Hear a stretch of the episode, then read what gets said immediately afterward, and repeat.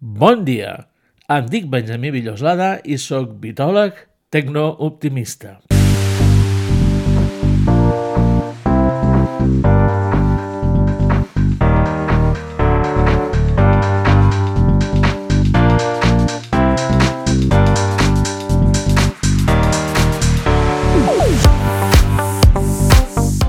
Benvinguts al tercer capítol de la quarta temporada que varen gravar el 10 de febrer de 2022 amb en César Llorente López. Sí, eh, he dit el 10 de febrer, el publico més de dos mesos després, però potser tu l'estàs escoltant dos mesos encara més després, i ja són quatre, o més encara però no, no, no passa res. El podcast és així. De fet, procuro que les converses que tenim vagin més al voltant d'idees que no pas d'actualitat, perquè així tot plegat és intemporal i serveix per allò que serveixen les coses a la carta i al podcast de West. Bé, si escolteu aquest capítol dos anys després, poder sí que ja trobareu que alguna cosa grinyola, perquè, per exemple, ja sabem què és el Web3 i el fem servir tots cada dia i ja no existeix el Web2.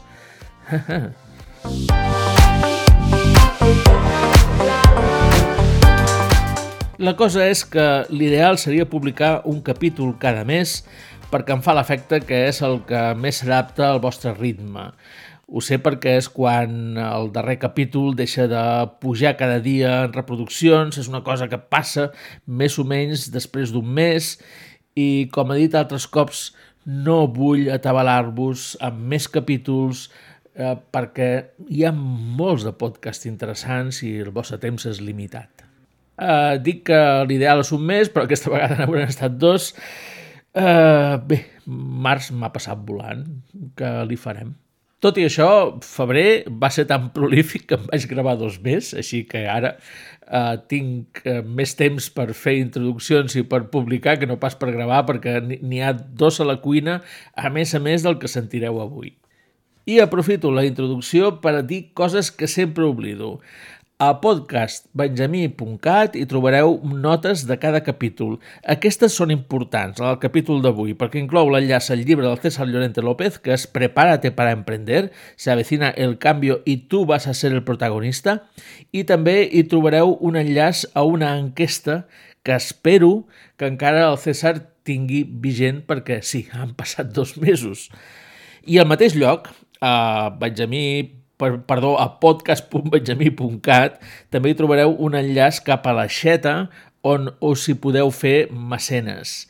I ja està, crec. Sí, perquè la cosa de demanar-vos que poseu estrelles al podcast dins la plataforma que feu servir per escoltar-nos, aquesta jo no la demano. No.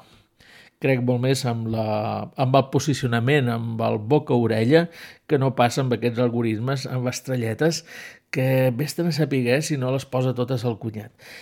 Uh, bé, sí, mm, és una creença, no tinc cap fonament per dir una cosa com aquesta. Paro ja de parlar d'aquest podcast, anem a parlar del convidat, del César Llorente López. És molt interessant sentir-lo explicar coses sobre startups que normalment no es diuen. Per saber quines són, vos convido a que sentiu en César a la conversa que vàrem tenir torno a dir-ho el dia 10 de febrer del 2022. Moltes gràcies per escoltar-nos. Estic molt content que estigui nosaltres en César Llorente López, perquè ell és especialista en prou coses de la part humanística i està molt centrat en les qüestions que tenen a veure amb l'empreniment i com a l'empreniment se diuen moltes coses que no són exactes i altres que són les que s'haurien de dir s'expliquen molt poc, dic a veure si ho podem aclarir avui amb en César. Moltes gràcies per haver vingut. Hola, bones. Què tal? Jo estic molt content d'haver d'estar aquí. Tu ets mallorquí. Jo som de Barcelona. Vaig néixer a Gràcia. De fet, vaig néixer a Gràcia, a una clínica de Gràcia. I em vaig, em vaig criar, com qui diu, a, a, en el sud, a Tortosa, eh, és, és on, on vaig aprendre eh, coses essencials de petit. Després vaig estar a Barcelona, doncs, vi, bueno, vaig anar a l'escola italiana. Això em va marcar moltíssim perquè jo sóc un nen Montessori. Eh? Jo puc dir que vaig, vaig aprendre sota el mètode Montessori i això ha marcat la meva vida, segurament, en moltes coses. He sigut sempre molt mal alumne, però un bon amic. Això deia una professora meva. Però crec que, crec que al final no he sigut mal professor. De fet, bueno, en general em solen, sols tindre bastant bon rotllo amb els alumnes, però no vaig ser un bon alumne. Eh? I, i, i em vaig enamorar de Mallorca. Va ser així. Va ser un... Mm -hmm. Em vaig enamorar del Molinar, primer.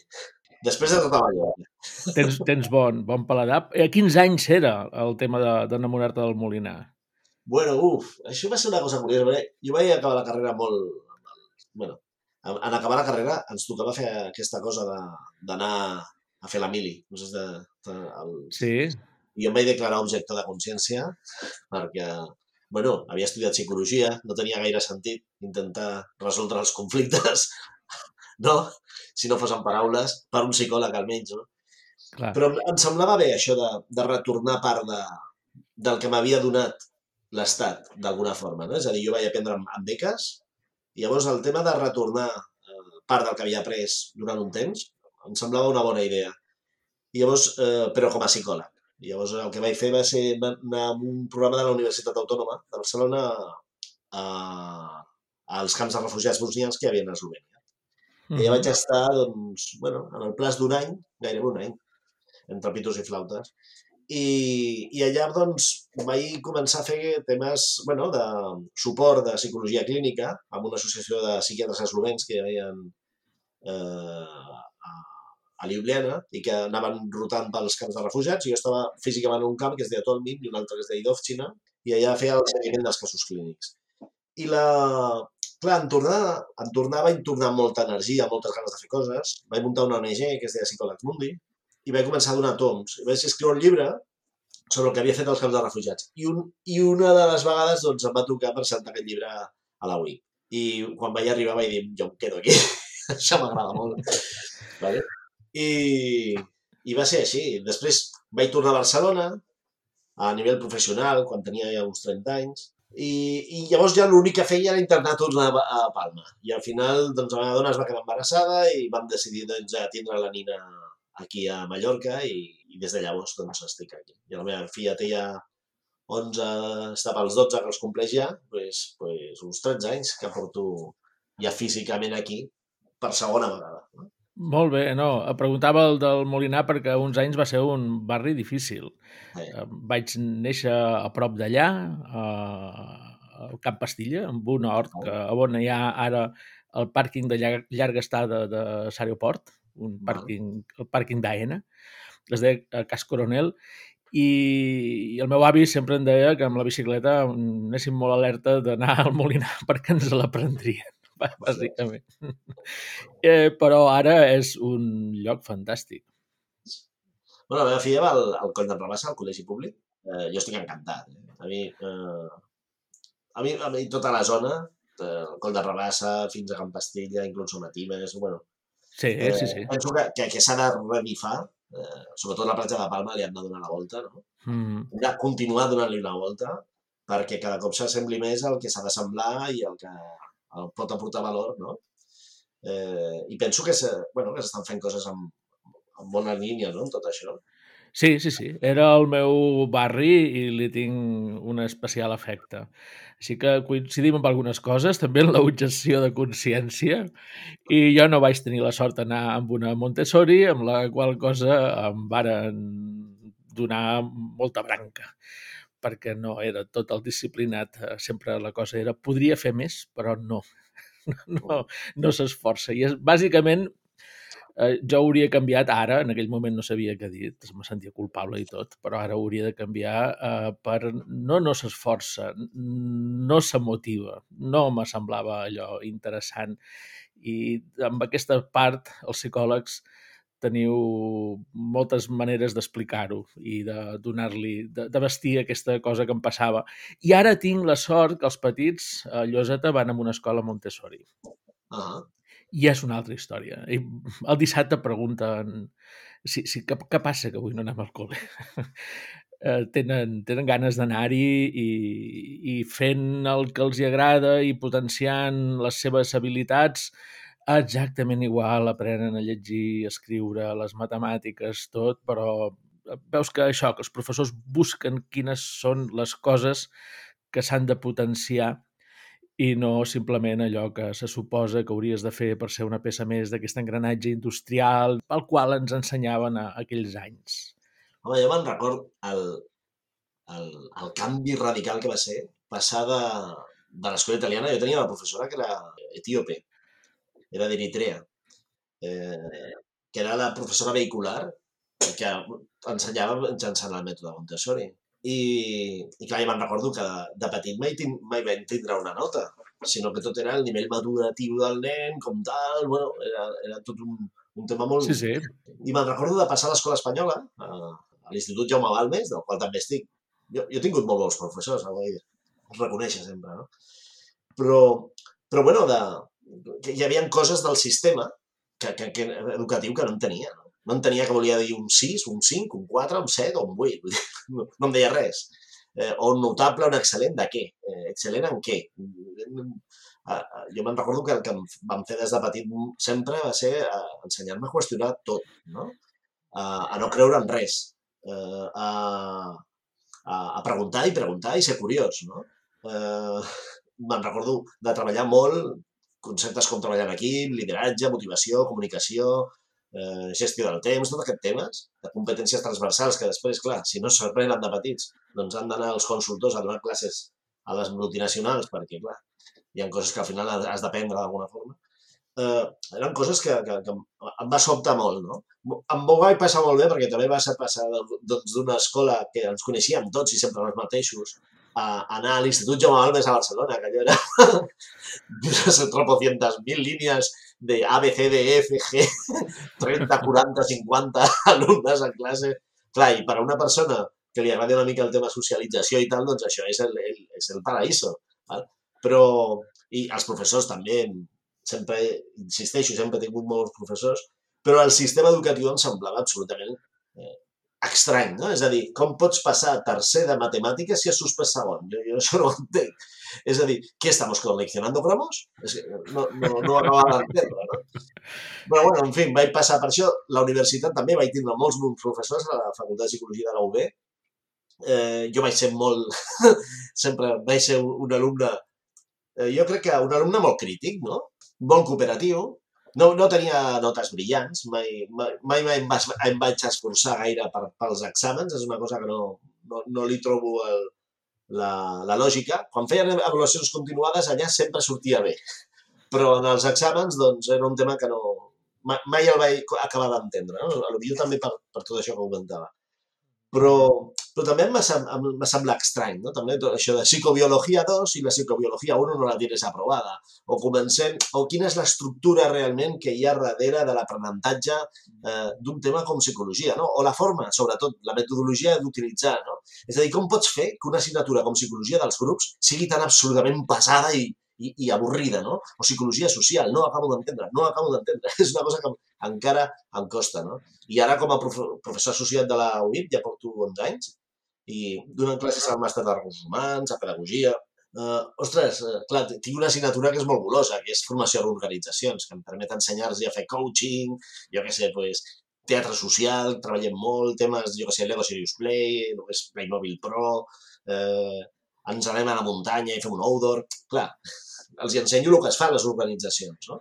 I, i totes les teories que hi ha darrere, jo que sé, des de eh, metodologies de comunicació, anàlisi transaccional, jo sé, temes eh, varis. No? És una assignatura que és, ja dic, molt golosa, també la, el que faig a màster de humans també és molt golós, però al final també és, eh, jo penso que la metodologia és important, no? I sobretot fomentar la... És a dir, jo, jo, jo crec que la pedagogia és una eina absolutament revolucionària de transformació social Crec que la gran revolució encara està per arribar i la gran revolució és educativa i és una revolució pedagògica 100%, és a dir, ho hem de donar la volta directament a tot. Eh, Montessori planteja coses interessants, en altres pedagogies també que plantegen coses molt interessants. Són línies que s'han de seguir aprofundint i, i investigar molt més. Eh, jo he fet la, la darrera, el darrer paper que acabo d'enviar. De, és molt interessant perquè lliga, lliga tot això amb l'emprenedoria. I, i, i he trobat unes idees molt interessants que després, ostres, m'agradaria comentar, perquè realment eh, si el que, la mostra que, que he pogut analitzar fins ara, eh, que és una mostra bastant representativa, són uns 380 persones més o menys, eh, ostres, que ja té un alfa d'aquestes del 95, vull dir que ja comença a ser certament bastant representativa. Si això es pogués confirmar després amb més investigacions, i el, el que està dient és molt, molt fort. Comencem molt... per aquí, va, explica-ho.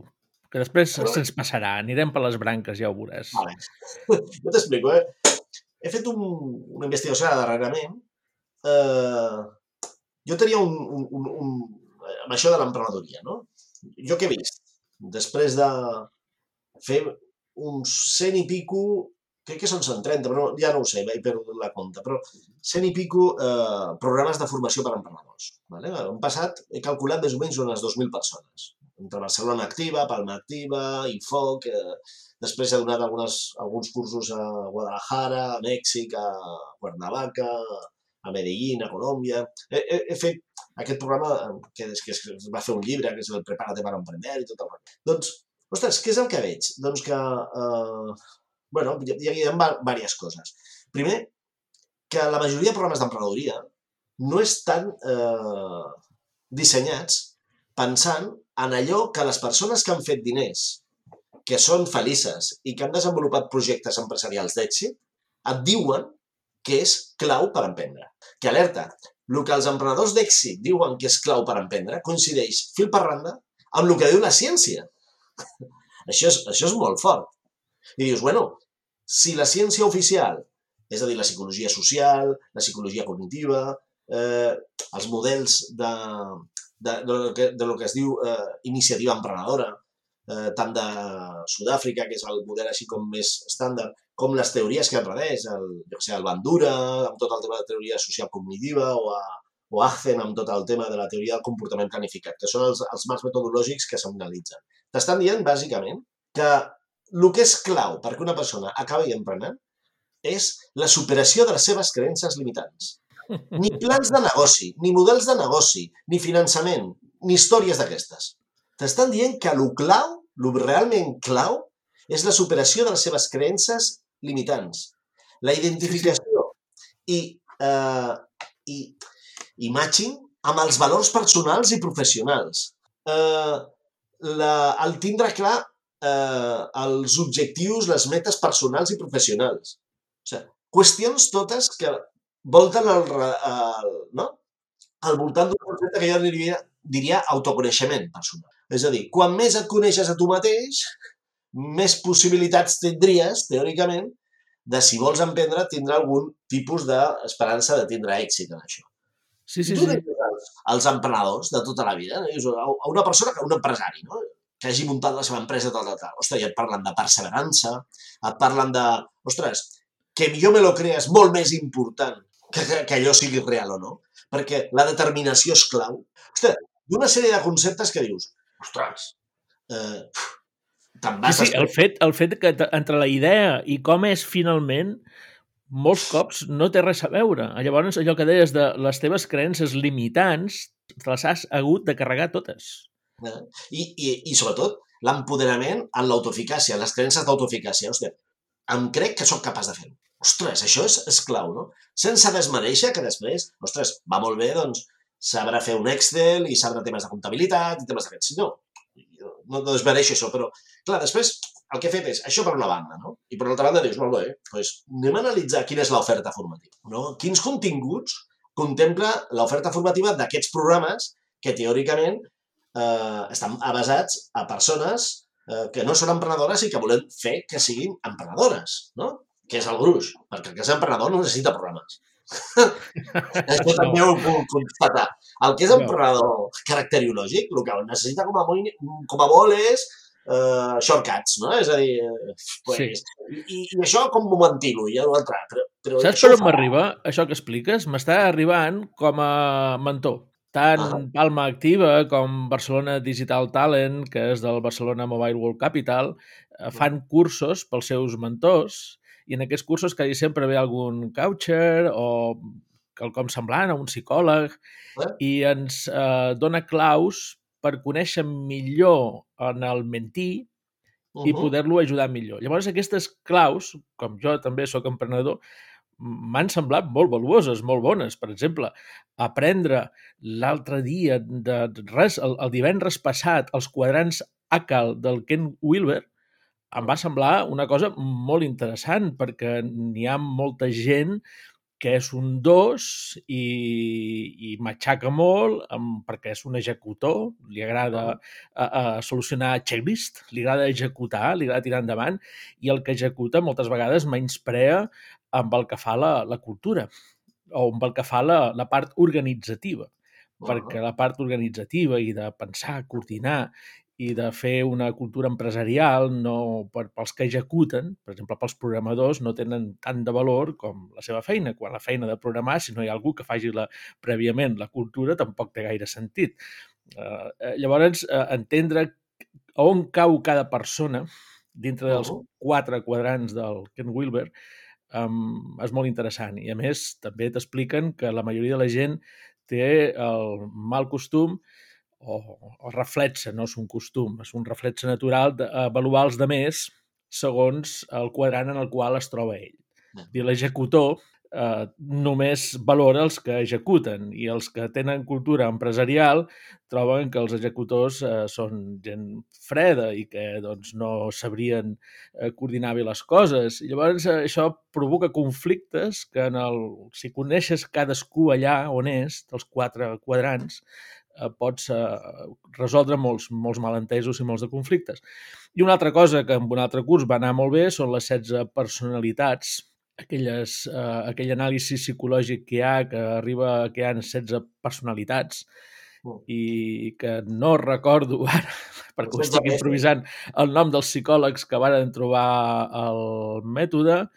Jo sóc un INFPA, que vol dir que sóc mediador i assertiu, i això és a base de moltes preguntes, que també té el seu, les seves crítiques per, per alguns psicòlegs, però les crítiques, quan les coneixes, també t'ajuden a no cometre errors, com a tu mateix a situar-te allà on t'agradaria estar i no realment el que ets. Coses d'aquestes que vosaltres domineu molt a base de fer preguntes obertes i veure on són les contradiccions. Doncs aquests cursos com a, com a mentor perquè pugui ajudar emprenedors, mm, he trobat que són molt valuosos i que estan en una part del coaching i de, que no és gaire accessible, no, no forma part de l'educació eh, habitual, eh, tradicional, diguéssim. Jo, fent una anàlisi de l'oferta formativa, el que m'ha donat bueno, el, el, el que he pogut jo contrastar és que de la gran majoria d'agències de desenvolupament local així més importantilles a nivell nacional, jo que sé, València, Barcelona, Madrid, eh, Euskadi, eh, amb l'oferta que tenen publicada, els continguts que tenen a veure amb l'autoconeixement personal no arriben a més de l'1,73%. Ja. I això, bueno, en un país que té un índex de mortalitat empresarial tan bèstia com el nostre, i que a més, eh, doncs el, el, el tema dels emprenedors especialment Balears. Eh? Balears és, és, és crític, vull dir, és, és, estem en uns índexs baixíssims d'emprenedoria. De, eh, doncs haurien de començar a, a fer un canvi de, de model formatiu claríssimament. I això, per exemple, que estaves plantejant, una, una de les coses que... Ja he trobat el nom dels indicadors aquests. Uh, se diuen els MBTI, de Myers-Briggs. En... Sí, uf, però això és de... Uf, és de 50, eh? Això està superat, no, vamos. L'MPPI, sí. És el, el 16, basat en el 16PF. Però, clar, en el tema emprenedoria, per identificar si una persona és emprenedora o no, hi ha hagut com dos, dos línies principals d'investigació. Una és sobre el model d'en Big Five, va? dels cinc factors de personalitat. Aquest és el que hi ha més estudis i tal, que el que diuen és que, uh, que té molt poc poder, poder predictiu. El model clàssic de personalitat, per identificar si una persona és emprenedora o no, aporta molt poca variança, molt poca variança, no, no té gaire, gaire interès. El tema de factors de personalitat sembla que hi ha alguns trets de personalitat eh, que estarien molt relacionats amb la, o més relacionats amb l'emprenedoria, però clar, depèn molt també del, del, del, de la definició prèvia que facis de què és una persona emprenedora, que això és una altra pel·lícula És una altra guerra totalment. No? Perquè, a més, amb l'emprenedoria necessites diversos perfils. Uh, necessites, entre els fundadors, les startups d'un monofundador no solen funcionar. Necessites mm, diferents maneres de veure el món. Hi ha la gent, el que dèiem abans, els quatre quadrants, però també eh, trobes en què fa falta algú de màrqueting, algú d'operacions, algú de tecnologia, algú de finances. Un emprenedor per competències, un emprenedor per idees, eh, hem de fer aquesta diferenciació o no? Quan parlem d'emprenedor, de què estem parlant? És a dir, de portar valor, eh, estem parlant d'acometre una aventura, eh, sigui del caire que sigui, i això no té necessàriament que sigui, que sigui empresarial. És a dir, eh, tu pots emprendre en la investigació perfectament, en l'art perfectament, eh, i, I això, entre altres coses, ve també de la, de la mateixa definició de l'emprenedoria, eh, que, que comença amb els francesos, l'entrepreneur aquest, però clar, els anglesos no tenen una diferència molt, no fan una diferència molt clara entre un empresari i un emprenedor. És a dir, tu, si tu te deixes a l'anglès, empresari et diran entrepreneur. Sí. Però si dius emprenedor, doncs entrepreneur. Vull dir, i, I aquí està una de les bases també de la confusió generalitzada, no? que confonem eh, empresari amb emprenedor, eh, eh, llavors tot està, tot està molt mediatitzat jo, jo he fet psicologia després d'ADE, vale? vull dir que, que, que també puc parlar per la part econòmica, però és, és cert que si la gran majoria de gent que investiga aquests temes són economistes i no són psicòlegs, doncs la visió que, és, que hi ha de l'emprenedoria és molt economicista. I la zona de confort on es mouen és, amb, amb tranquil·litat, és en el pla de negoci, el model de negoci, no entrar gaire en els temes psicològics perquè no en saben, bàsicament. Però clar, si els que prenen decisions al final són economistes, doncs el que s'està fomentant és un tipus d'emprenedoria molt economicista, per dir-ho així, no? Ja dic, és un debat brutal. És molt interessant, molt, molt interessant. Molts factors. Perquè el, els perfils que dius haurien de ser el CEO i el, el cap de finances, bàsicament. El CEO i el cap de finances eh, serien l'emprenedor clàssic, però necessites tecnòlegs i necessites gent d'operacions que organitzi les coses, els fluxos de treball i aquestes històries. I innovació no Molt bé, ha, ha d'haver gent creativa. Si tu, clar, i després, clar, dius, ostres, anem a pensar en quin és el 98%, 98%, eh, de les empreses que es generen en aquest país, que són pimes. I són floristeries, gestories, eh, doncs un psicòleg, doncs una tenda de xutxes, un bar... Això és els autònoms que munten empreses en aquest país, és aquí. Són emprenedors? Això és emprenedor? Ostres, i, i per què, si el 98% de les empreses que es munten en aquest país eh, són d'aquest estil, no es recolza molt això? O es recolza una mica? És a dir, jo entenc que es vulgui fomentar eh, per tu i per mi, segurament, ostres, la creativitat i la innovació és molt bas, és molt important, perquè és ADN, no? Són persones curioses que ens agrada aquest tipus de coses. Però, ostres, a lo millor eh, el que s'està fomentant des de les agències de desenvolupament local no és el que es necessita. No sé, sense desmereixer, no? Però tot això, per mi, és un debat obert absolutament. Uh, les persones... Després, una cosa que ha fet a la tesi doctoral, que és interessant també, és agafar i entrevistar els responsables de... I clar, ells es pensen que estan ofertant una altra cosa del que oferten quan analitzes el, el, els seus programes formatius. És, és una altra de les conclusions curioses, no? De dir, ostres, és que la percepció és que estan fent molt més del que realment estan fent en coses, no? I insisteixo, eh, el que diu eh, la teoria científica eh, en temes d'emprenedoria, el que diuen els emprenedors d'èxit, que és clau, que hauria de, com a mínim, tindre un terç dels programes d'emprenedoria hauríem d'estar centrats en això, perquè si això no està fent ben fonamentat, l'altre no serveix absolutament per res, doncs no, no s'escolta, no s'escolta. Al final és, suposo que interessos, eh? eh de que... Clar, és, és fàcil contrastar, no? Dir, ostres, si tu... Les competències tècniques són més fàcils d'avaluar. És més fàcil saber si tu saps eh, utilitzar l'Excel, no? Que si t'ho coneixes a tu mateix, no? o si tens clar per què estàs aquí. Però, per mi, insisteixo, neix d'un model que jo crec que és absolutament erràtic. Sí, Barcelona Activa, per exemple, que jo m'estimo molt, a més, eh, vaig participar en el, la reconceptualització de tot el servei d'emprenedoria. Una de les primeres coses que, que, que, que, que, que, que et sobten, no? Tu vas passejant pel carrer i poses, tens una idea? Entra que t'ajudarem. Hòstia, em faràs qüestionar aquesta idea? Ja. ¿Sí o no? Pues no. Pues no. Te ayudamos a desarrollar cualquier idea. I això és suïcidi econòmic per moltíssima gent. Perquè no és el que han de fer. Per això no li fem qüestionar per no se sap què. Ostres, pues, perdona, hauria millor de posar, vols emprendre? Vine que t'ajudarem. Aquí t'escolto, ¿vale? perquè potser primer veurem si ets o no emprenedor i si pots o no pots emprendre. Després mirem de, que la idea de negoci que portes realment acompanya els teus valors, eh, puguis aportar tu valor i talent en aquesta idea, eh, i després ja veurem si això és viable o no és viable. Però no podem començar per la viabilitat. O, o donar-te un pla de negoci i, i, que, i que l'omplis. Però, però, però què és això? Però si és molt complicat muntar una empresa. bueno, en fi, perdona, eh?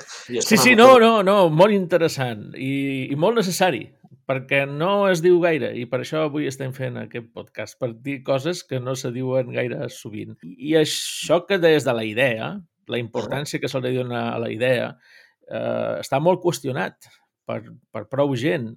Eh, un dels consells és que la idea no serveix de res si no la pots executar i si no la pots i no la podràs executar si no hi ha una oportunitat. Llavors eh, necessites una oportunitat més que no una idea. Perquè les idees no valen res, De- d'idees n'he tingudes moltes i, Clar. i, i, i com l'executes? Doncs si no la pots executar no serveix i si la poguessis executar i no hi hagués ningú que la necessités, vull dir, no hi hagués l'oportunitat, per molt que la puguis executar, allò anirà a parar eh, entre tant i tant al cementiri del software. lo important que estàs dient. Fixa't, eh? Diferenciar entre idea i model. És a dir, idea és... Què et dona la idea de negoci? La motivació per tirar endavant alguna. Vale?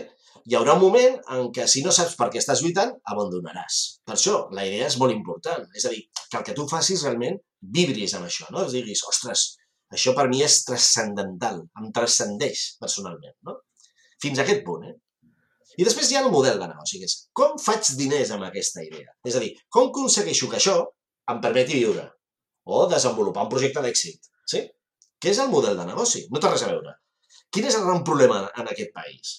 I és un gran problema en tot això, eh? perquè això defineix molt l'estructura de la societat. Que la gran majoria de persones abandonen les seves idees o allò que volen fer perquè no saben com fer diners amb això. Llavors hem creat una, una societat de persones mediocres que no fan allò que haurien d'estar fent perquè no es coneixes a si mateixes. I la pregunta és, quants Velázquez, quantes Rosalies de Castro ens haurem perdut per manca d'un sistema educatiu incapaç d'orientar, com hauria d'orientar, a les persones? Sí, sí. Quants? Quants milers? Quants milions? És brutal. És brutal, no? I, i això és, al final es reflecteix doncs, també en el tema de l'emprenedoria, en coses com aquestes. No, no és que jo vull muntar una tienda de, de, de una pastisseria perquè això dona diners. Però tu, tu saps el que és fer pa. Aquesta persona li funciona perquè li agrada fer pa. Però tu no. No és un tema de si funciona o no funciona. No és un tema de que la nena o el nen estudi empresarials perquè tingui una feineta. No és això. No fem tot aquest desgast energètic de portar persones en aquest planeta perquè al final visquin vi- vides miserables. És, hauria de ser, per mi és un debat molt més intens, molt més fort, que, que transcendeix molt més el tema de l'emprenedoria, no? I que, però clar, eh, de tal, de, de esos, no? Diuen, de, de esos barros, estos lodos, no? I és, és una mica el que. Al final tenim una societat que, que no valora l'esforç, no valora el talent, no valora per res l'autoconeixement personal, no valora eh, les, la superació impersonal de les creences, tot això. No. És el, la societat del pilotàs, de tal. Per què? Perquè som mediocres. Al final, centrem el tema en lo material, perquè és en lo poc en la que podem tindre certa, cert control. Perdona, eh? molt. Al contrari, estic encantat de que ho diguis tu, perquè això eh, ho dic sovint jo i no m'agrada. Això de que nosaltres, per exemple, a la societat balear no valorem el talent. I és un, és un fet. Aquí, per què vols talent? Si l'any que ve, a partir del mes de maig, tornaran a venir facis el que facis. Tots els turistes a deixar-se la pasta que han guanyat durant tot l'any tenint talent a les seves terres. I és igual si tanca Volkswagen perquè obrirà Tesla. I vendran igual, perquè s'hauran canviat de lloc i poder la nova empresa encara guanyaran més i tornaran a venir sense que nosaltres mai a la vida haguem de fer Tesles.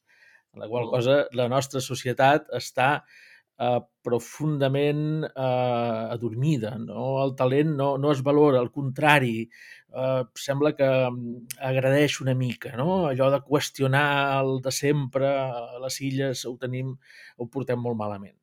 I a Catalunya també una mica. Ens assemblem amb algunes sí, sí, sí. coses. I això, sentir-ho que ho digui algú, si plau, no demanis perdó, al contrari, felicitats i moltes gràcies.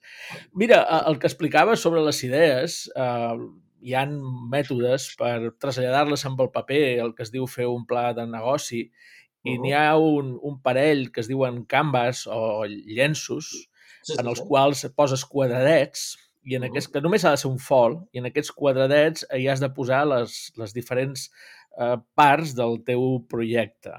Uh -huh. I la part de la idea i de la solució és petita. I, a més a més, no és la primera.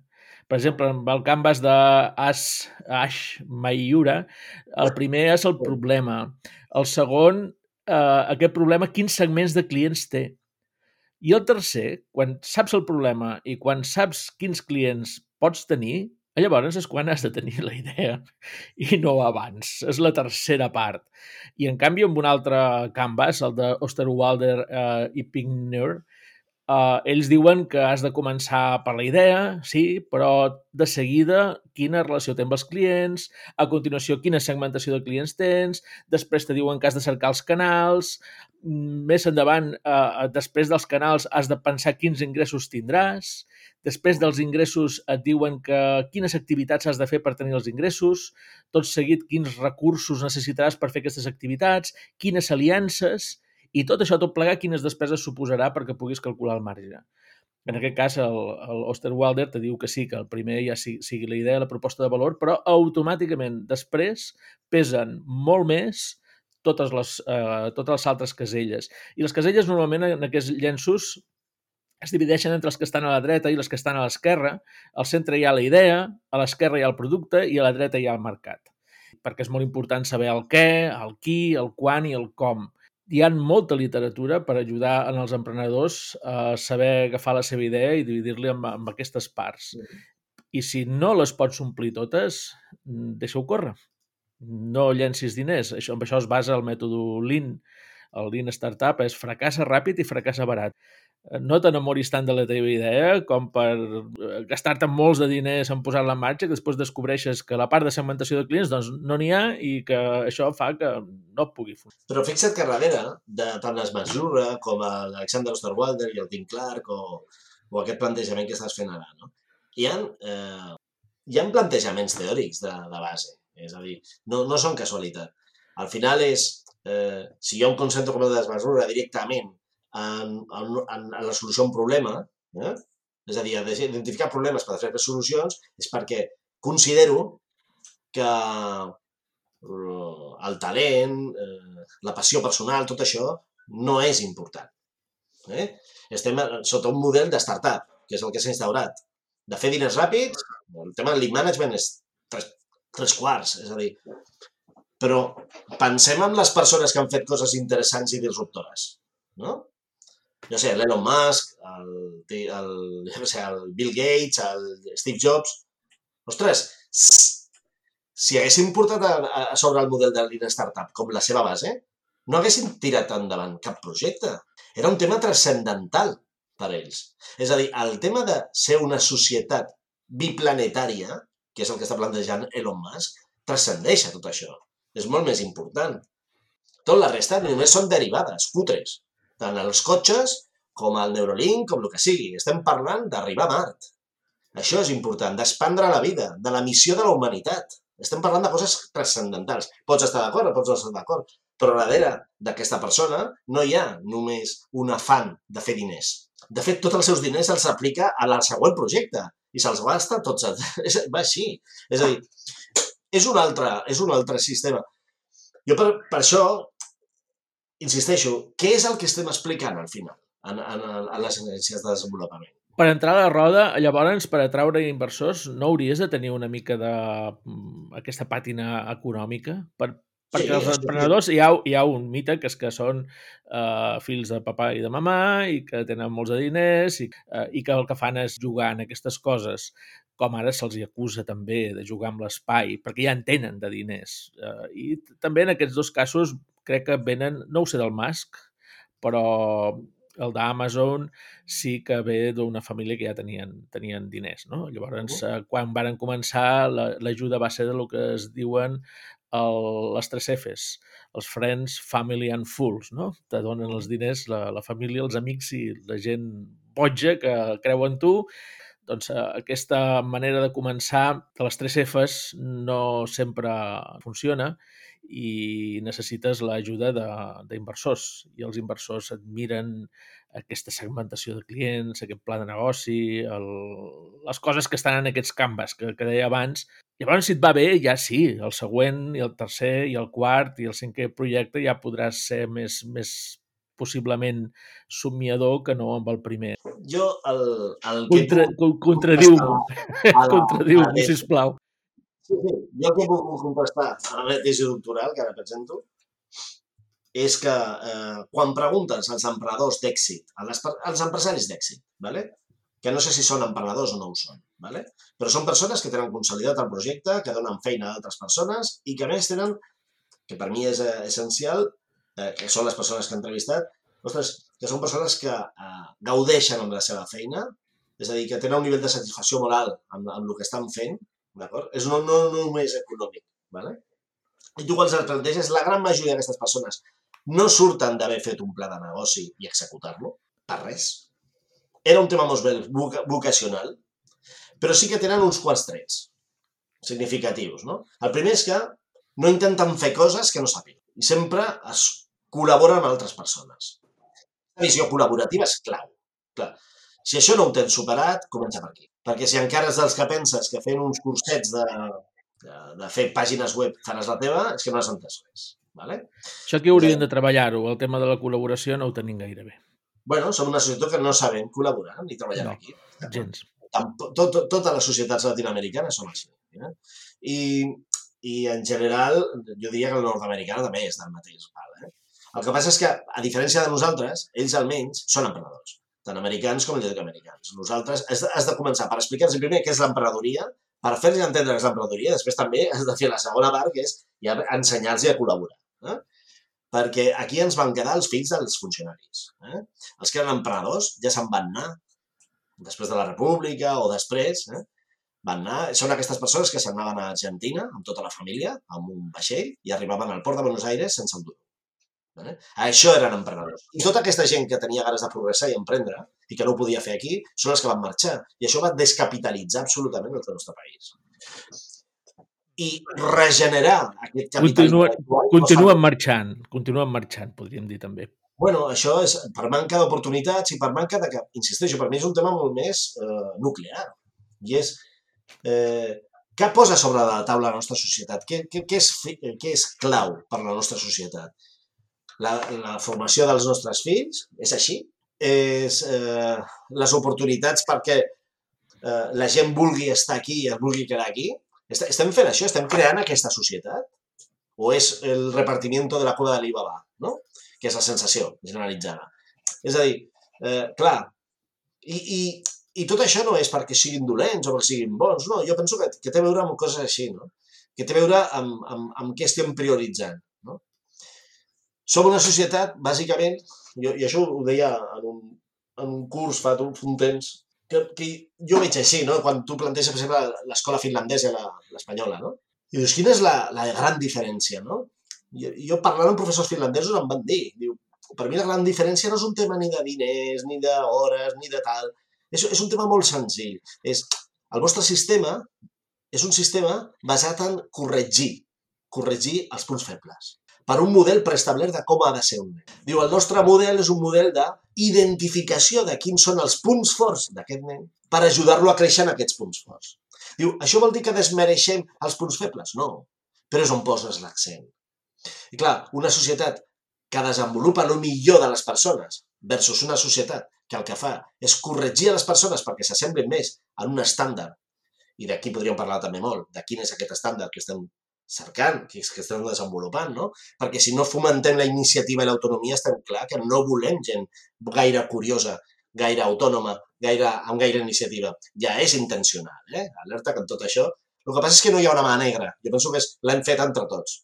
Per això aquesta discussió hauria de ser global, social. Perquè jo no penso que hi hagi mala, mala fe en, en aquests plantejaments. Penso que són qüestions que anem construint tota la societat, no? i que és tota la societat la que ha de reflexionar sobre això. Això no serveix de res que en algun moment algú agafi i plantegi una llei educativa totalment revolucionària. Perquè si això no, no es xerra en les cases, no s'entén des de les cases, i si s'explica bé, tothom ho entén, eh, jo, no, no tindrà la força necessària per tirar endavant. Una de les coses fortes que té el sistema finlandès versus l'altre és que a, a Finlàndia el, el col·le és una part del sistema educatiu, però les famílies també. Eh, I això ja. no es genera en dos dies. Però què van fer després de la Segona Guerra Mundial a Finlàndia? Dir, l'educació és el pilar fonamental i construïm a partir d'aquí. I això no es toca. Això no es toca. Quantes lleis educatives 11? És que jo he perdut el compte. Sí. I no, mirem de no recordar, mirem de no recordar que varen fer després de la, no de la Segona Guerra Mundial, perquè ja ho havíem fet abans nosaltres. Eh, vàrem ser l'últim país que vàrem sortir de les dictadures feixistes. Així que no, no ho tenim gaire bé. Vull dir que ens porten anys d'avantatge a prou llocs d'Europa. Però fixa't, Estònia, que fa quatre dies que va deixar de ser un país... Bueno, sí, per sí, sí. que ja pinamos canes, no? Però jo me'n recordo del, del mur quan va caure el 89 90, no? Sí. Fa quatre dies que vau deixar. I què van fer els estonians? Copiar el sistema finlandès. Ostres, aquí tens els resultats. Primer i segon país a nivell mundial, tant en rendiment de treballadors com en informe PISA. I dius, ostres, eh, per què no copiem? He sentit professors que diuen que està sobrevalorat el model finlandès. Bueno, clar, no? Sí, sí, aviam. Té les coses bones i dolentes i requereix dels seus patrons de, de, del seu lean management, no? Del seu sí. PDCA de tota la vida, per entendre'ns. Però, eh, però bueno, els resultats segueixen allà. És a dir, del 1 al 5 puesto mundial del informe PISA anualmente. Bueno, pues ojalá nosotros lo tuviéramos eso. Estamos en el 24 28. ¿eh? Ostres, a nivell de productivitat de l'Organització Internacional del Treball. Finlàndia està entre el primer i el segon a nivell mundial. Uh -huh. Ostres, Espanya està en el 85-87, tio. uh, vale. No, no. Ja, ja m'agradaria a mi, eh, estar allà. Tenc pendent un podcast amb un mallorquí que és allà amb una startup que es diu WOC, que s'ha venut amb una altra startup americana de fer el mateix, que venen a ser un Globo, i és com a tres vegades Globo perquè l'han valorat amb 8 bilions de dòlars, vull dir 8.000 milions d'euros, i a veure què ens explica d'aquí a poc. Possiblement gravarem un programa eh, en Andrés Salom, que ha, ha fugit, és d'aquests talents que també ha fugit i que li sap molt de greu veure aquesta passivitat i aquesta fins i tot indolència que tenen els joves de la seva generació i ell va estudiar Economia a la, a la UIB.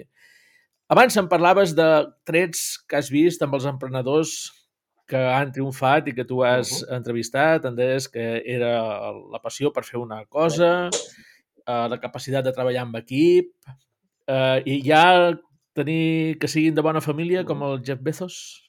O això no? Eh, pues tampoc. De fet, jo dic que, que, que el Jeff Bezos és un, és un supervivent. M'explico. Eh, el que sí hem pogut contrastar, però això sí que és una... Potser seria un, un tema interessant a desenvolupar molt més. Però un, un tret bastant comú és que les segones i terceres generacions, que ho tenen ja muntat, s'acaben de carregar el negoci de l'avi. Eh? És a dir, no, no és tan senzill, perquè al final hi ha certs trets caracterològics, és a dir, per què, per exemple, doncs, les societats llatinoamericanes o nord-americanes són tan emprenedores? Home, perquè ho han tingut més complicat. I això fa que la gent hagi d'espavilar molt més. Si tu estàs en un entorn de cotó... Bueno. Tornant un moment als finlandesos, m'explicava l'Andrés que els hi donen ajudes als governs per emprendre perquè viure tan bé com se viu en Finlàndia fa que la gent s'apoltroni una mica i que no vulguin arriscar amb emprendre. Llavors, quan ho fan, són molt eficaços i fan meravelles, però fer-los arrencar costa molt perquè no volen arriscar. I, en canvi, a tota Llatinoamèrica són grans emprenedors i tenen empreses de distribució per exemple, molt potents, tot el que ara està venint i que cada vegada serà més gros del delivery, ells són uns dels pioners i ho fan molt bé, doncs perquè és perillós anar pel carrer, sortir a sopar una nit a segons quines ciutats i tornar a casa. Llavors, que portin el sopar amb una moto ha fet que surtin eh, emprenedors i que portin molt per endavant el delivery i les... Però fixa't que el que estàs dient, entre altres coses, també posa en, visibilitza dos models. És a dir, què entenc jo per emprenedor? Una persona que aporta valor o una persona que té, eh, que és un dels trets que posen sempre com un dels trets definitoris d'emprenedor, de, eh, poca aversió al risc. És a dir, sóc molt agosarat. És a dir, s'entén, clar, llavors, clar, dius, la societat eh, llatinoamericana és més emprenedora. bueno, és més agosarada, aporta valor? És a dir, aquestes empreses agosarades que es munten realment estan aportant valor a la societat o són més de lo mismo? Aquest és el tema, no? Llavors, a lo millor a Finlàndia sí que tens clar que són poc agosarats perquè estan més còmodes, però millor aporten molt més valor. Llavors, depenent de com defineixis un tema o l'altre, estàs parlant d'emprenedoria o d'una altra cosa. Llavors, de què parlem quan parlem d'això? Jo me'n recordo que un dels directors de tesi em diu però és que li dediques molt de temps a parlar de la, del concepte d'emprenedor. Dic, és que és, que és, és clau, perquè depenent de com defineixis això, doncs estem parlant d'una cosa a la tesi o estem parlant d'un altre tema. És així. Mira, jo amb el, amb el tema, un, una de les coses que, una, una de les investigacions que es deriven de la tesi, que és la, la darrera que he publicat, eh, intenta eh, ser agosarada en trobar noves vies d'anàlisi del que serien els patrons d'emprenedoria, que surtin fora de lo que serien factors de trets de personalitat o eh, de la teoria estàndard dels cinc factors de personalitat clàssica. ¿vale? I explorar altres vies. I una via que, que he explorat i que estic molt, molt il·lusionat amb els resultats realment que han sortit és amb el tema de la gamificació. ¿vale? Jo he agafat un qüestionari eh, amb, amb permís del, del, del creador del model, que és l'Andrei Marzeski, que és el, el creador de el, el, la teoria de gamificació més coneguda, més popularitzada, vale? i més analitzada de, de forma científica, perquè hi han d'altres però, però es queden en llibres eh, d'autoconsum, i Marzeski planteja un model que són sis persones, sis tipologies, vale? d'interacció amb, amb, amb, amb el sistema. És a dir, ell planteja que les persones quan juguem, vale? Doncs el que estem fent és interaccionar amb un sistema. Vale? Llavors hi ha com sis formes d'interaccionar amb el sistema. Dos que serien extrínseques, és a dir, que el que busquen és eh, benefici que li aporti el sistema amb ell, ¿vale? per exemple, el, el player, el jugador de tota la vida, el de los videojuegos, és, és addictiu, saps? O el disruptor, que es vol carregar al joc. ¿vale?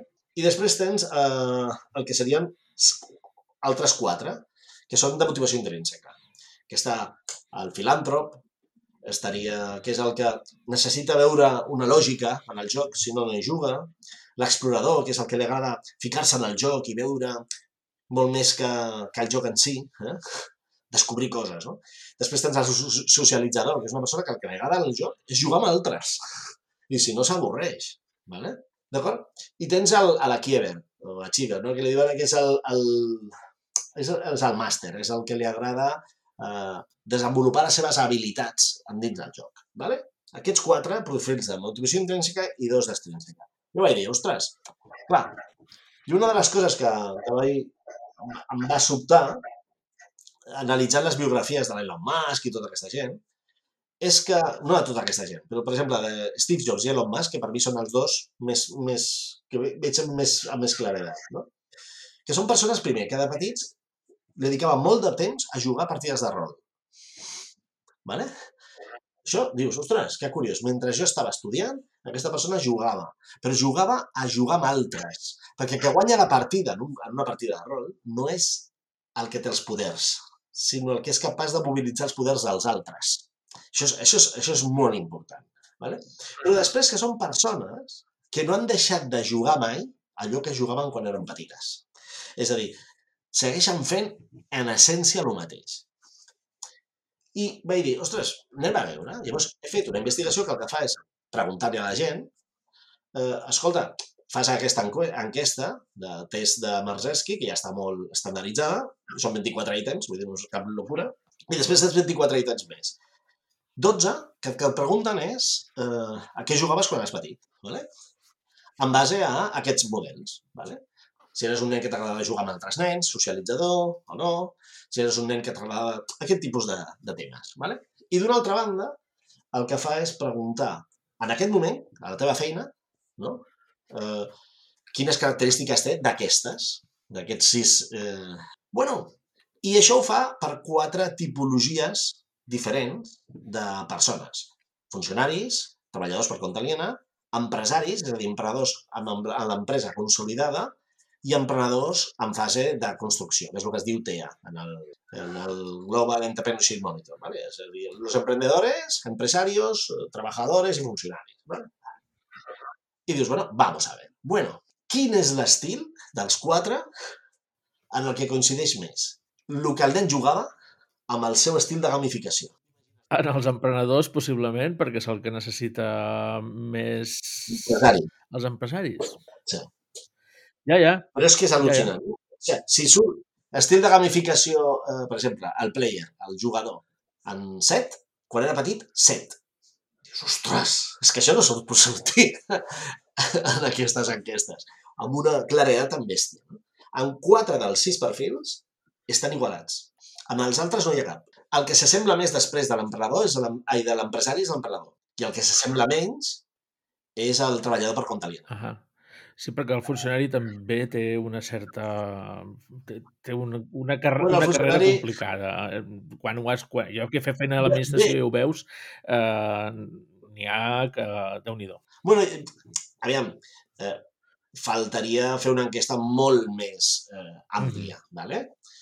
Vaig veure eh, l'enllaç, som... el vaig omplir i l'he fet córrer una mica i també el posarem a les notes d'aquest episodi de podcast. Vale. És, és molt interessant perquè, clar, t'està... Clar, què t'està dient això? Ostres, que la forma d'interactuar amb el sistema, eh, quan tens control sobre la teva vida professional, que en aquest cas els empresaris són els que més tenen, perquè els emprenedors encara estan en una època d'arrencar i depenen massa de les decisions d'altres, no de si mateixes, fins que consoliden el projecte. Sí. Val? Però els empresaris és al·lucinant, dius, o sigui, quan puc ser jo mateix, torno a ser com era quan era petit. Molt bé. Quan tinc control sobre variables del sistema. Estic, estic bastant content eh, amb els resultats, perquè no m'ho esperava. No m'esperava tanta, tant matching. Eh? Hi ha gent que diu que no entenen perquè hi ha persones que funden una empresa per vendre-la. Perquè és un negoci, no és un tema vocacional. I perquè, d'una altra banda, el que s'està fomentant és això. Si tu no fomentes l'autoconeixement per generar projectes singulars que tinguin a veure amb les passions, les motivacions i, i per el re, màxim retorn de valor personal a la societat, el que estàs fomentant són negocis que siguin eh, estèticament... No? És, al final és això. Llavors, quin interès tens? Si no és la teva passió. Si tu li pots preguntar a aquesta persona que sap fer molt bé negocis, eh, i i el que li agrada realment és muntar empreses. En això, això és la seva història.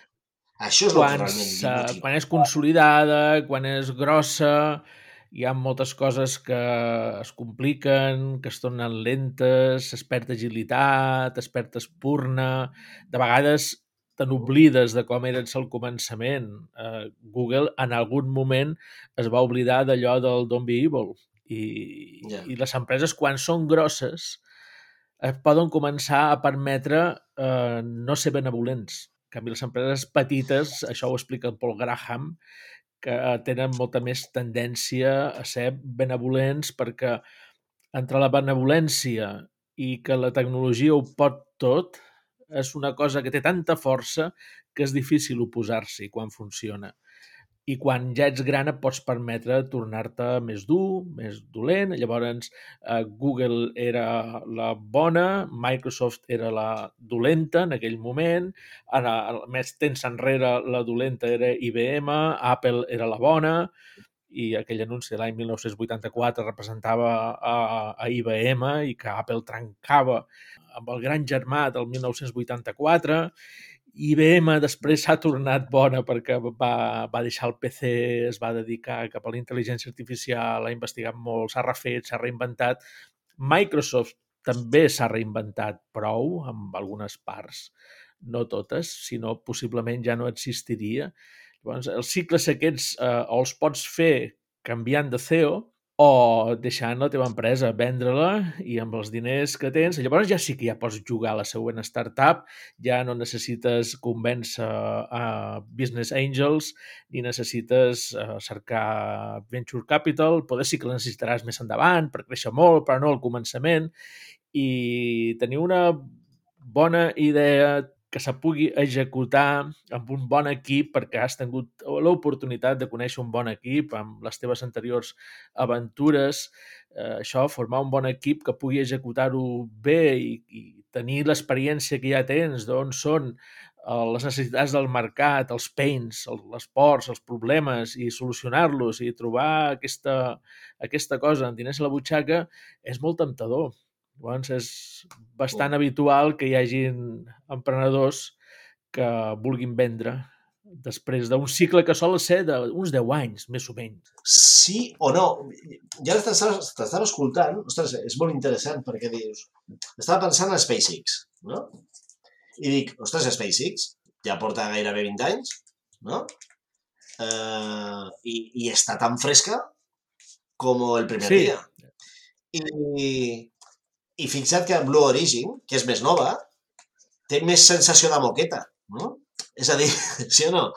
O Virgin inclús, no? Per què? Perquè jo penso que al final és, és cert el que estàs dient, però també hi ha un component de missió. És a dir, jo penso que quan has acomplert la teva missió, ha mort l'empresa. Google, mira, per exemple, Microsoft, la missió era posar uh, un PC a cada casa, mm -hmm. no? Mhm. Ja ho ha. Ja està. Ara, quina és la missió de Microsoft? Ja. Ven, vendre llicències de, del cloud en aquests moments. sí. Però, però, però SpaceX no ha arribat a Mart. Uh -huh. Quan arribi a Mart i monti la primera colònia marciana, a lo millor es transformarà en, en un dinosauri.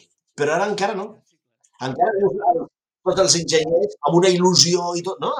Quan, quan estan llançant el Dragon, tal, que dius, Ostres, no ho han perdut. És veritat. Per res. És així. Hi ha cicles no. i depèn del negoci, els cicles poden ser de 10 anys, com deia abans, que podria ser un estàndard, i n'hi ha sí. d'altres que han fet l'èxit, èxit vol dir sortir, però també tenir èxit, vendre l'empresa en 4 i en 5 i és perquè era un producte que va pujar molt, molt ràpid i que ràpidament es torna ho veig molt en el món del SaaS, de la, que són productes més, que es converteixen molt ràpid en legacy, no? Al començament eh, revoluciones un sector com el de les nòmines o el dels recursos humans o del tracte amb els clients amb un SaaS i, i allò tendeix molt ràpid a fer-se una cosa molt seriosa i fins i tot encurvatada. Això que deies de, dels emprenedors, no? de, els trets definitoris, no? I, i jo parlava de la determinació, no? Determinació o propòsit, no? El, el, el fet de tindre un objectiu clar, no? Tu veus, no? Jo, jo he vist amb, el, amb els alumnes, amb els eh, futurs emprenedors quan, quan els formava, no? I veies quin projecte tenia més possibilitats. I ho veies amb els ulls de la gent, no? De que veies un que et deia, mira, jo voy a esto, i lo voy a. I això és, aquesta determinació és molt més important que no que el pla de negoci estigui ben fet. Ja. Yeah. El pla de negoci potser és un, un xurro infumable, però no em preocupa, perquè aquesta persona ha de fer això. I acabarà aprenent, i acabarà donant-li la volta. Mentre que tens altres que tenen desenvolupats plans de negoci que, o models que estiguin molt ben desenvolupats, però no s'acaben de creure. No, no tenen eh, aquesta determinació perquè no és el seu. Sí, sí, sí, sí. I si es fiquen, és un mal negoci. Per ells, per la família, eh, i per, per la societat en general, perquè no, no estem generant més valor. Has parlat molt de conèixer-te tu mateix i després una altra part important és conèixer el món. Llavors m'agrada que el teu llibre expliques que emprendre és sortir de Matrix. I té a veure amb això, en coneixes amb un mateix i en conèixer el món. I que per conèixer el món eh, necessites parar-lo, no? com Matrix. Me va agradar molt aquesta idea de Matrix i d'emprendre. L'he utilitzada sovint a partir del dia que ens ho vas explicar a IB3 Ràdio, que això ho trobareu a blog.benjamí.cat, està el capítol, perquè reflecteix, reuneix molt totes les coses que hem parlat.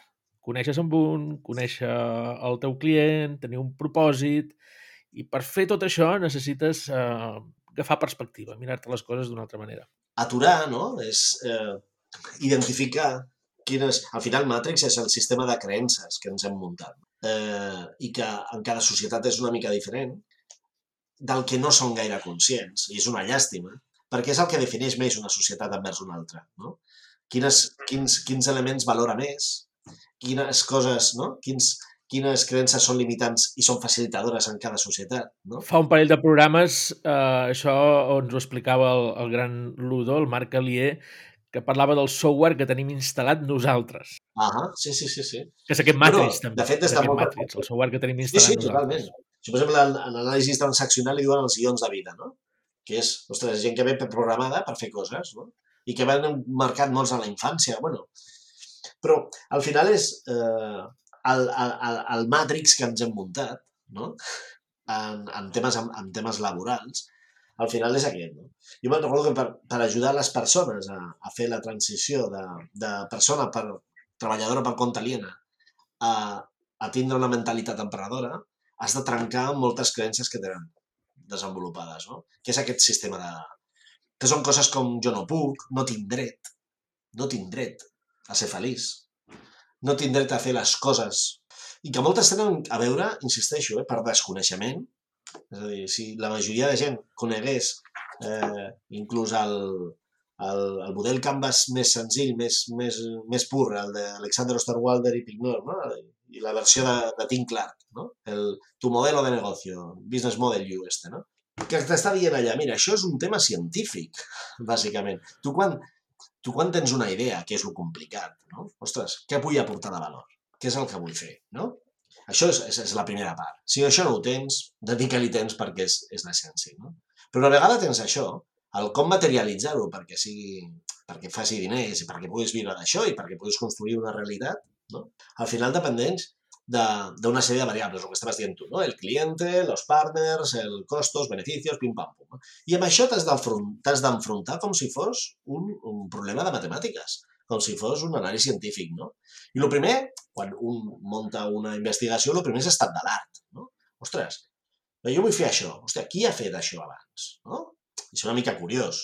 Eres genial, tienes una idea. Sí, hi ha mil persones que l'han tingut abans. Escolta-les, investiga, ¿vale? primera part, no? És a dir, jo puc escriure una tesi sobre emprenedoria sense, sense ficar-me un, uns anys a analitzar què s'ha escrit abans sobre això, perquè estaré fent el ridícul.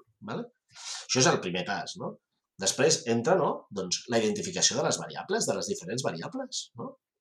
I en això, ostres, anar provant coses per veure què funciona i què no funciona. Però igual que quan estàs en un experiment d'investigació, no, no pots anar a pensar que tindràs els resultats que estàs cercant. No, tu vas amb unes intencions, tens unes hipòtesis i les has de contrastar.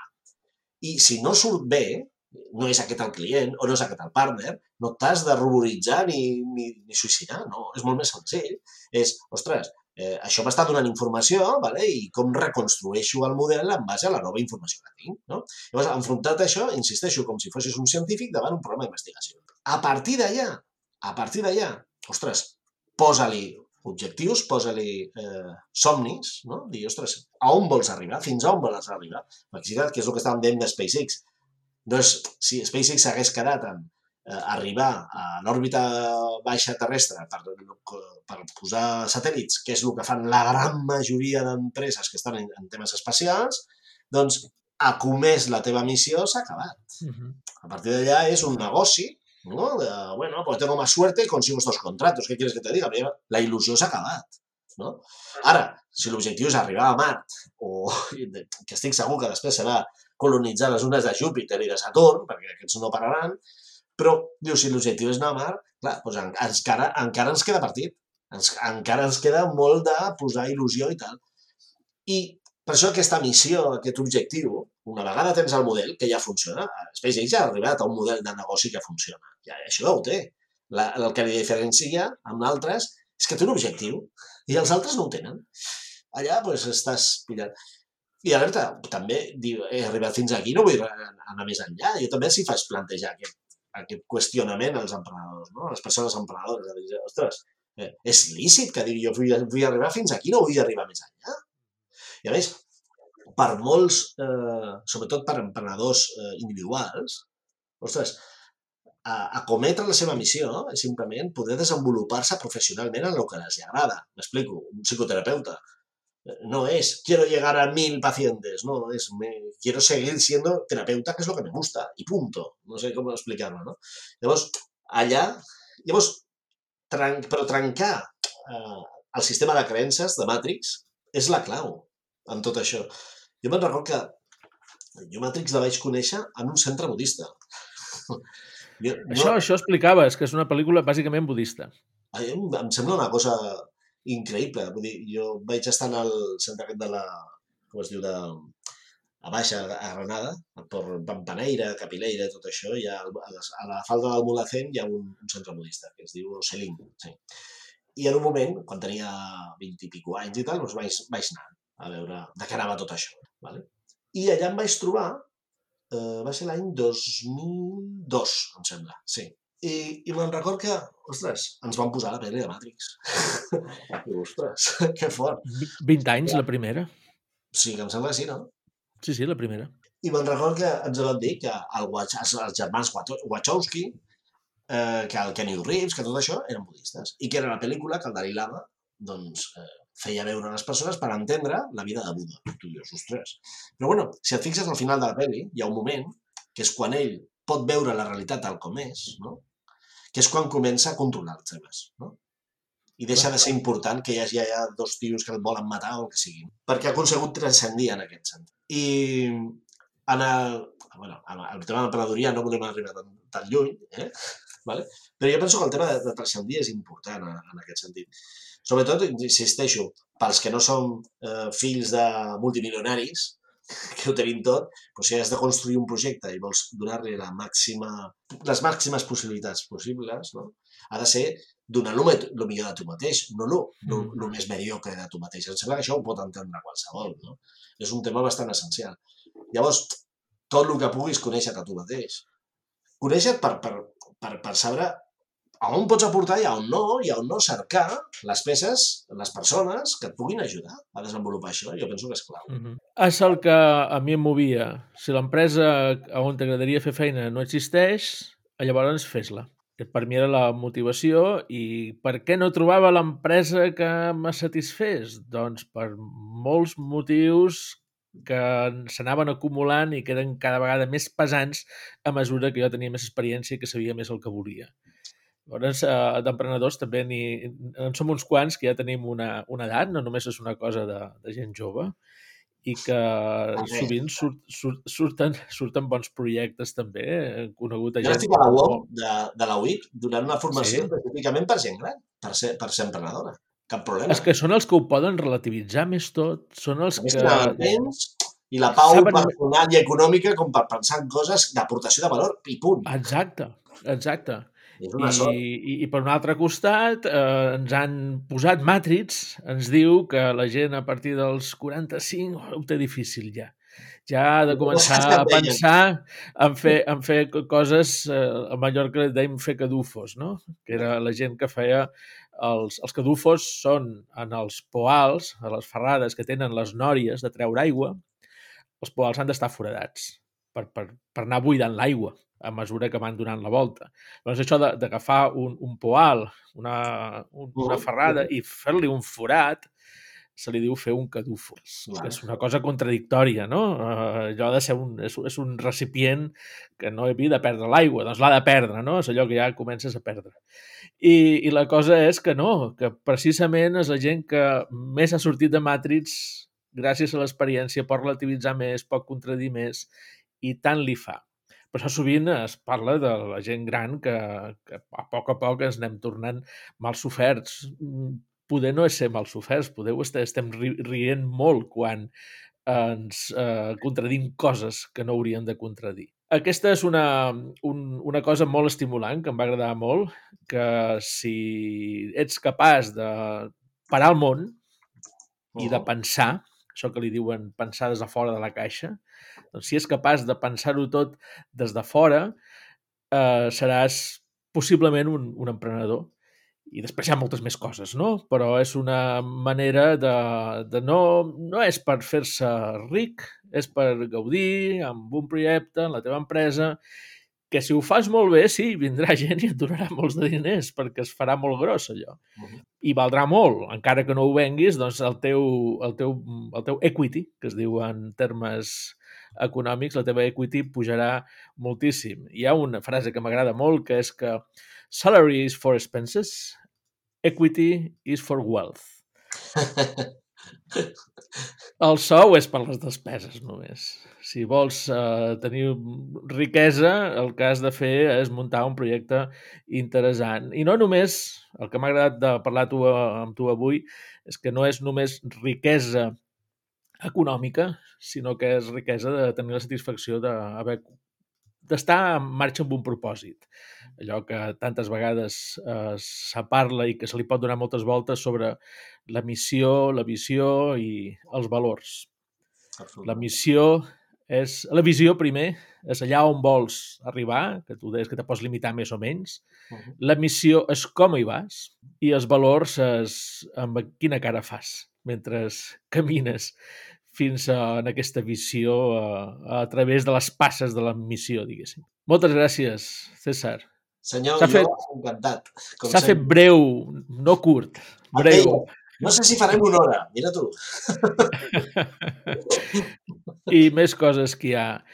Uh, volem animar uh, la gent que hagi arribat fins aquí a que li doni voltes en aquestes coses i que pensi si no té possiblement una possibilitat de parar el món i de veure un propòsit diferent i animar-lo perquè en aquests moments hi ha molts recursos, moltes eines, com han vist, de tipus financer sovint per ajudar-te a emprendre, però després amb en César trobareu la part humanística que no se parla gaire i que, mira, avui sí que n'hem parlat. Moltíssimes gràcies. gràcies. altaveu. és un podcast que queda a la carta i a poc a poc ho va sentint gent. Jo sempre dic que qualsevol capítol de podcast té molta més audiència que qualsevol taula rodona dels que hagi anat mai. I per mi això és un estímul tant per, pel convidat com per nosaltres que el fem. Una abraçada. Senyor, ens veiem. alive.